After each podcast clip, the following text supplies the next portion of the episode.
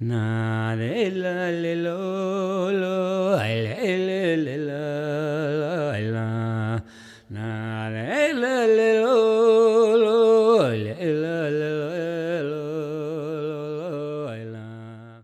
Hei, og velkommen til Museumspodkast. Dagens podkast er et intervju hvor forfatter Ingjerd Kjelle forteller om prosjektet sitt. Hun skriver bok om internatlivet i Finnmark.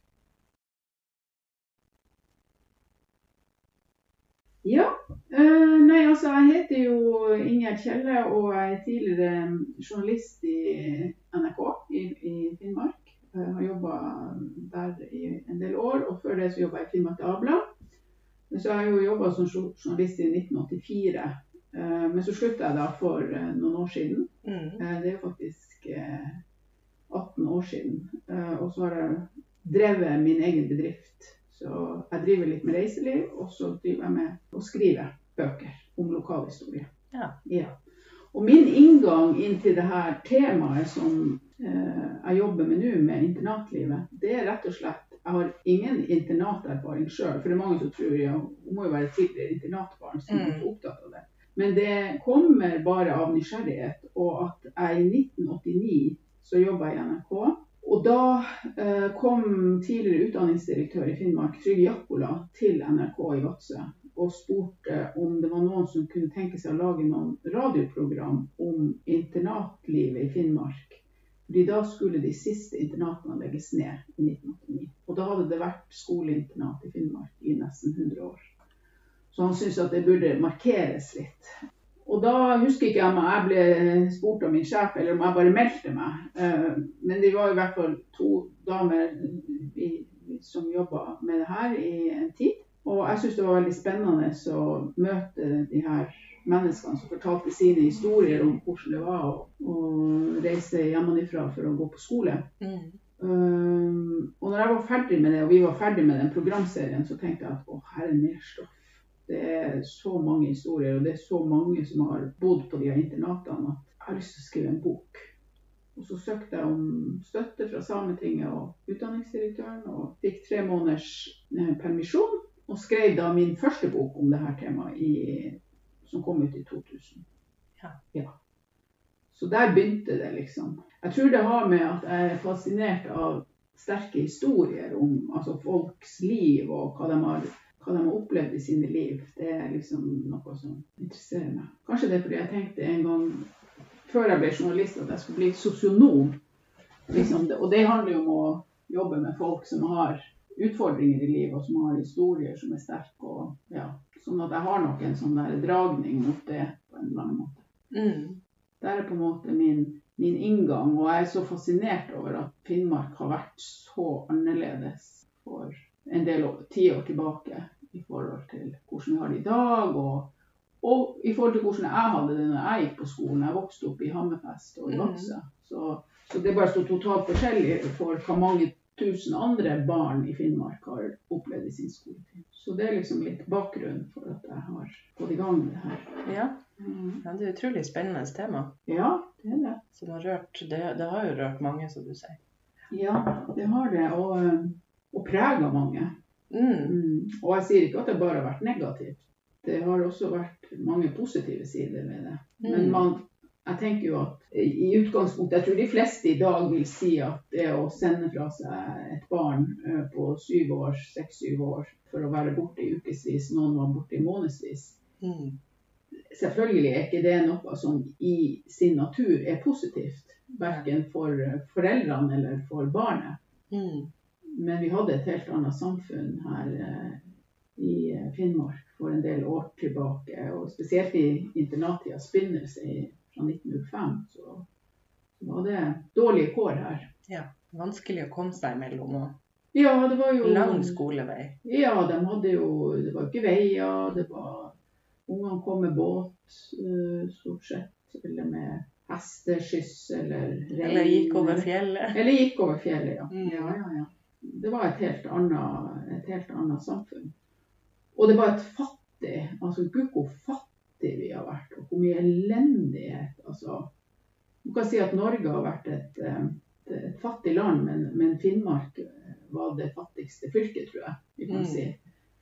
eller en av de, det var jo fattig i nord, da, men, men, men Finnmark var så mye distrikt. Det var så mye små plasser, det var så lange avstander. Det var så langt mellom arbeidsplassene. Det var fiskebønder, og det var lite inntekt, dårlig boforhold, store unge flokker. Mm. Og for mange var det jo en lettelse å kunne sende unger på internat.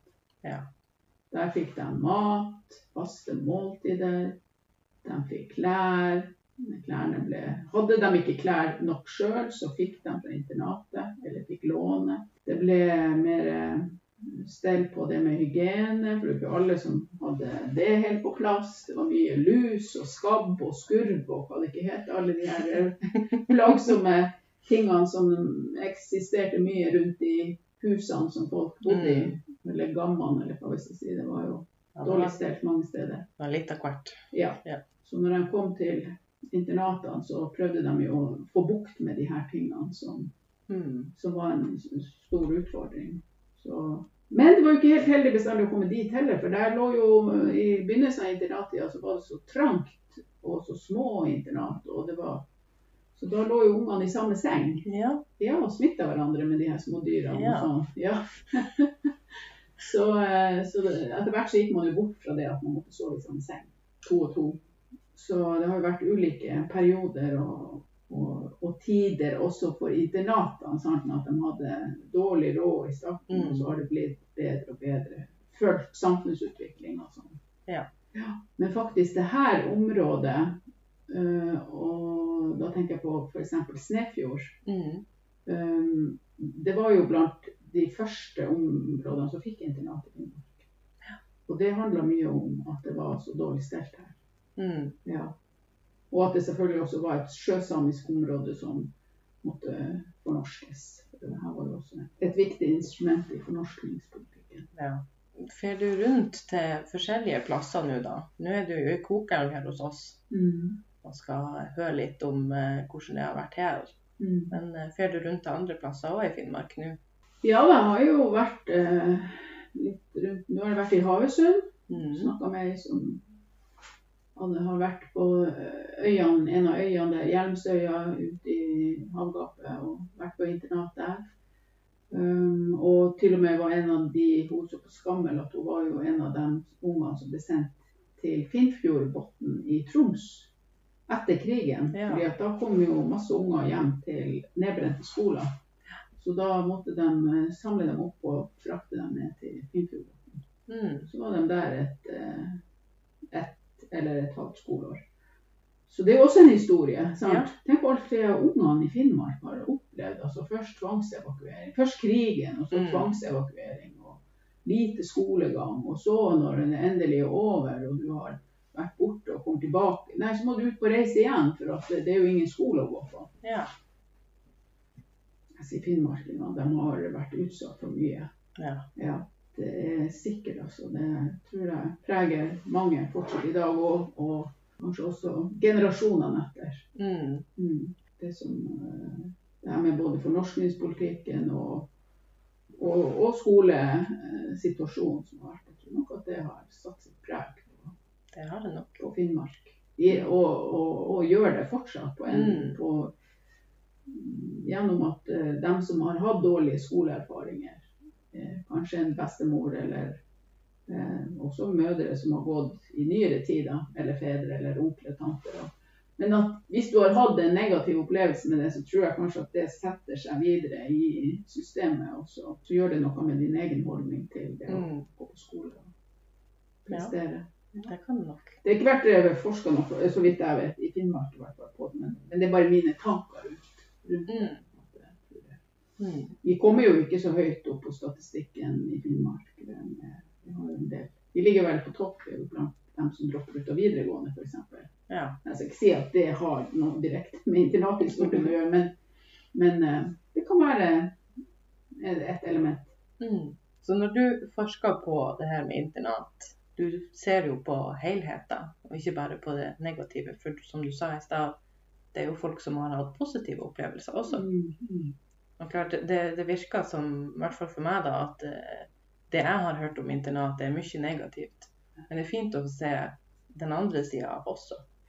Når jeg tenker positivt, så er det egentlig sånn på to nivå. Og det er sånn eh, i forhold til det som jeg nevnte, eh, det her med at, at det var, sto såpass dårlig til Ja. i mange hjem, og, og med skolevesenet. Altså hvordan de her ungene fikk skole. Det var jo veldig stort frafall, eller eh, forsømmelsesprosent, heter det vel. Ja. Altså mange unger som ikke møtte opp. De kom seg ikke til skolen av ulike grunner. Det kunne være fordi de ikke hadde klær, eller det var for langt å gå. Eller, Mm. sånn. Det var jo sånn type om, omgangsskole hvor læreren flytta seg rundt i forskjellige steder. og sånn. Så man så jo at man måtte gjøre noe med det, med Mm. skolesituasjonen i Finnmark. Hva gjør vi? Vi kan ikke bygge skole på alle plasser der det bor bodde, det er et svært fylke, og det bodde folk på veldig mange små plasser. Og noen Mm. steder var det bare ett hus, kanskje to. og Ja. så jeg tror jo at, at, eh, at internatene måtte komme, Ja. og at det var positivt. For det gjorde noe med at vi kom opp på et annet nivå sånn skolemessig. Mm. Men så ble de kanskje for harde i måten de på mange steder, kanskje overalt, drev de på med at det var veldig sånn militært. Det var Og nå snakker jeg om egentlig nesten en hundreårsperiode, og det er vanskelig å si noe generelt om det, for det var så forskjellig fra når Mm. de starta de første til de siste ble nedlagt. Men hvis man skal si noe generelt, så var det jo at ungene, ja, la oss si opp til sånn 60-tallet, 70-tallet kanskje, de, det primære for de ansatte var å gi dem eh, husly, mat, eh, undervisning. Ja, sånne basic behov du har. Mm. eh, Mat og ja. Eh, Men det der med å se barn og tenke at de har det kanskje litt vanskelig noen, og de- og de er borte hjemmefra, og de er syv år og skal ikke se Mm. mamma på fire uker. Skal, vi, skal jeg trøste, skal jeg Altså alle de her tingene som handler om det mer sånn sjelelige, eller om sorg og savn og det å ikke håndtere en sånn hverdag som mange unger ikke gjorde, Mm. Det, det var fraværende. Ja. Mm, I store deler av internattida. Mm. Og det har jo vært selvfølgelig negativt for mange. Men Ja. mange har takla det også. Ja. Ja, så det kommer helt an på hvordan du er som person. Mm. Eh, Det er ulik sårbarhet. Jeg tror det finnes like mange internathistorier som det finnes unger som har gått på internat. Fordi at man, man takler det på forskjellig vis, og det er litt tilfeldig hvem du havner på rommet, hvem du Mm. havner i klasse med. Har du en storesøster eller storebror som kan passe litt på deg? Har du ikke det, så var du mye mer sårbar. Mm. Og ikke minst de som jobba der. Ikke sant? Og det var folk der som ikke skulle jobbe på sånne plasser. Ja. Så det er jo et eh, samfunn i samfunnet som Og hvor du var veldig sånn prisgitt alle de her tingene. Hvem, hva slags unger som var der, og hva slags voksne som var der. Mm. Du kunne ha en voksen, eller en, det kunne være en husmor eller en lærer som så deg, og som kanskje tok litt vare på deg og så at du hadde det vanskelig. Men, Mm.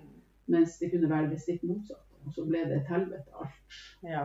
Men, men jeg har også dem som, eh, som ser på det her som altså det at Jeg hadde f.eks. et intervju med ei fra mm, Stabbursnes-området. Mm. Hun skulle på Indre Billefjord internat. Som fortalte at hun syntes det var så fint å komme på internatet. For da var det andre unger. Mm. Hjemme på gården så var det, de bodde alene der. De bodde, så hun lekte med lamungene, hun lekte med kattene. Og, og ja, det var liksom det hun hadde rundt seg. Hun Mm. hadde en storbror som var flytta ut og, og hadde ikke noe miljø. Så hun kom på internatet, så var det masse andre unger. Hun lagde nye lekekamerater.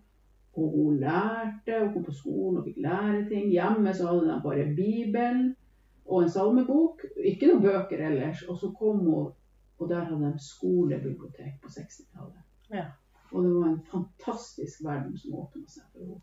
Så, så det kan du også si at det var med å ta henne inn i noe som var på et sånn nivå som var over det der lille småbruket hvor eh, det var dårlig med lesing, det var dårlig med lekekamerater.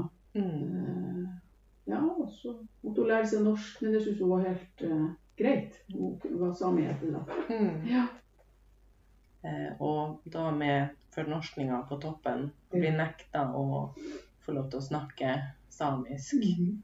Og kanskje nekta å gå i samiske klær. Mm. Man må ha i gåsetegn norske klær på Mm. seg. Mm. Det må ha vært tungt for Ja. mange. Ja. Jeg tror det har gjort noe med, med selvfølelsen, selvfølgelig. Med, egenverdet og det, det som vi representerer. eh, Det betyr ikke noe, det er ikke bra, og vi får ikke lov, og det skal lov å snakke det, vi får ikke lov å bruke de her klærne, vi får ikke Mm. Og da blir jo også alt det tenker jeg, som har med hjemmet å gjøre, med foreldrene og, Mm. og, og, og det livet som de lever, og, du kommer i møte med når du kommer hjem, det blir liksom Det blir jo feil, da. For det er jo ikke trukket frem som noe verdi, verken det som Mm. Verken det språket man snakker hjemme, eller det man gjør, f.eks. hvis man holder på med doji eller øh, sydde skaller eller broderte, Det kan man jo Mm. som hadde med den samiske kulturen. Det, det var jo ikke tatt inn i skolen i det hele tatt. Nei. Så, så, øh, og der er det jo flere som snakker om tap. Mm. Ikke bare tap av et språk, men tap av en kultur. Ja. Både fordi, du, fordi den kulturen ikke er blitt eh, nevnt og ikke brukt på noe vis i skolen, men også fordi at du har vært så mye borte fra hjemmet ditt hvor de her tingene ble praktisert. At du har, du har mista det, og kanskje også mista interessen for det. Fordi Mm. det er blitt fortalt at det, det er ikke noe verdt. Ja. Mm. Det er jo mange av eh, tidligere generasjoner som ikke har lært ungene sine samisk. Og det er jo det som er så synd, for nå er det jo mange som er samer som ikke kan samisk. Ja. Og så er det, du har jo også noen som nå i voksen alder tar samisk kurs, for de vil ta det tilbake. Mm. For at de ikke ble lært samisk når de var unger. ja. Så det kan jo hende at det er en ettervirkning. Ja. Mm. Jeg tenker på det her med, med overgrep er jo, I den forrige boka mi for det er jo flere som har spurt om det, liksom, var det mye overgrep og fysisk, psykiske, seksuelle overgrep. Mm. Altså Jeg tror at internatene selvfølgelig som institusjon er jo en fristende arena for folk med sånne legninger eller behov. Mm.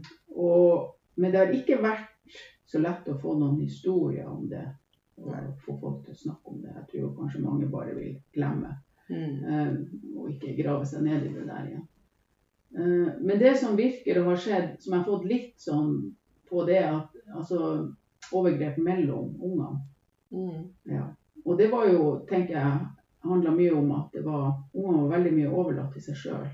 Det var Ja. få ansatte. Og på de soverommene eh, så var de jo alene. Det var jo ikke noen voksne som var De gikk jo en runde og sjekka at de eh, hadde på lyset og sånn, men det var jo ikke noe Så var det noen der som ikke hadde edle hensikter, så var det jo fritt fram. Det var så eh, få voksne øyne til, til å se de her ungene og hva de Altså En ting var soverommene, eh, en annen ting var jo når de var ute og lekte. eller altså Mm. og man kan jo tenke seg f.eks. mobbing. Det var mye mobbing. Og, og, og, og hvis du går på en vanlig skole og blir mobba, så kan du nå gå hjem, og så er du trygg der hele ettermiddagen og kvelden og natta. Mm. Men ble du mobba på et internat, og tro meg, det var mye av den sorten, så var du jo 24-7 der, og du Mm. var overlatt til disse. Uten å, å egentlig noen gang kjenne deg trygg. Ja.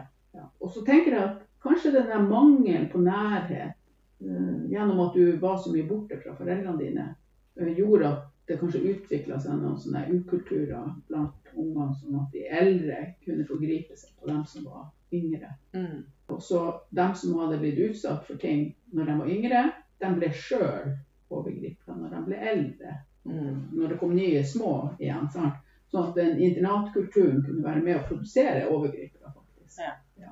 Jeg har stort sett hørt om det når det gjelder gutter. Ja. Men jeg tror ikke at det blir noe stort tema i boka, men vi vet at jeg vet at det, det skjedde. Og jeg hadde i den forrige boka mi så hadde jeg en ganske heftig historie fra et av internatene i indre strøk. Ja. Hvor det skjedde med, mellom gutter. Mm. Mm. Og det vet man jo også fra barnehjem og fra kostskoler og alt at det her er, det er ikke uvanlig. Nei. Og internatansatte som også måte, begikk overgrep i, i form av fysisk og psykisk terror. Og, Mm. ja, man brukte jo også fysisk avstraffelse i lange tider. I både skolesammenheng og internatsammenheng. Mm. Ja. Det gjorde man også hjemme. Sant? Det var jo mer vanlig kultur før da. Ja. Så, så det er nok eh, noen barn som har fått ekstra, fått gjennomgå ekstra i forhold til det her temaet. Det er et utrolig spennende prosjekt. Og jeg, jeg ønsker meg i alle fall ett eksemplar av den boka, som vi kan Ja. ha her på, eh, på museet når den er ferdig. Ja, den skal bli ferdig til neste år, er planen. Ja. Nå har jeg mye bedre tid enn jeg hadde sist. Ja. Og grunnen til at jeg skriver en ny bok, det er jo at det, jeg syns at temaet nå har aktualisert seg gjennom Sannhetskommisjonen som Mm. blir etablert. Ja. Pluss at den bok, for, første boka mi som kom for 20 år siden, den handla primært om tidligere barn eh, Mm. og hvordan de opplevde det. Nå skal jeg ha et mye bredere fokus. Det skal også handle om de som jobber der. Og det skal handle mer om bakgrunnen til hvorfor det her internatvesenet kom. Så det Mm. vil bli en mye grundigere bok. Den første boka mi var også min første bok, Mm. og jeg var- hadde ikke så god erfaring med å skrive. Så nå har jeg bedre tid. Jeg har fått bidrag fra Norsk faglitterær forfatterforening og Fritt Ord. Sånn at åh, det er så godt å bare liksom kunne ta den tida, for det tar tid å Mm. finne ut av de her tingene. Og snakke med folk, gå til arkivene, finne bilder, alt. Så jeg er privilegert.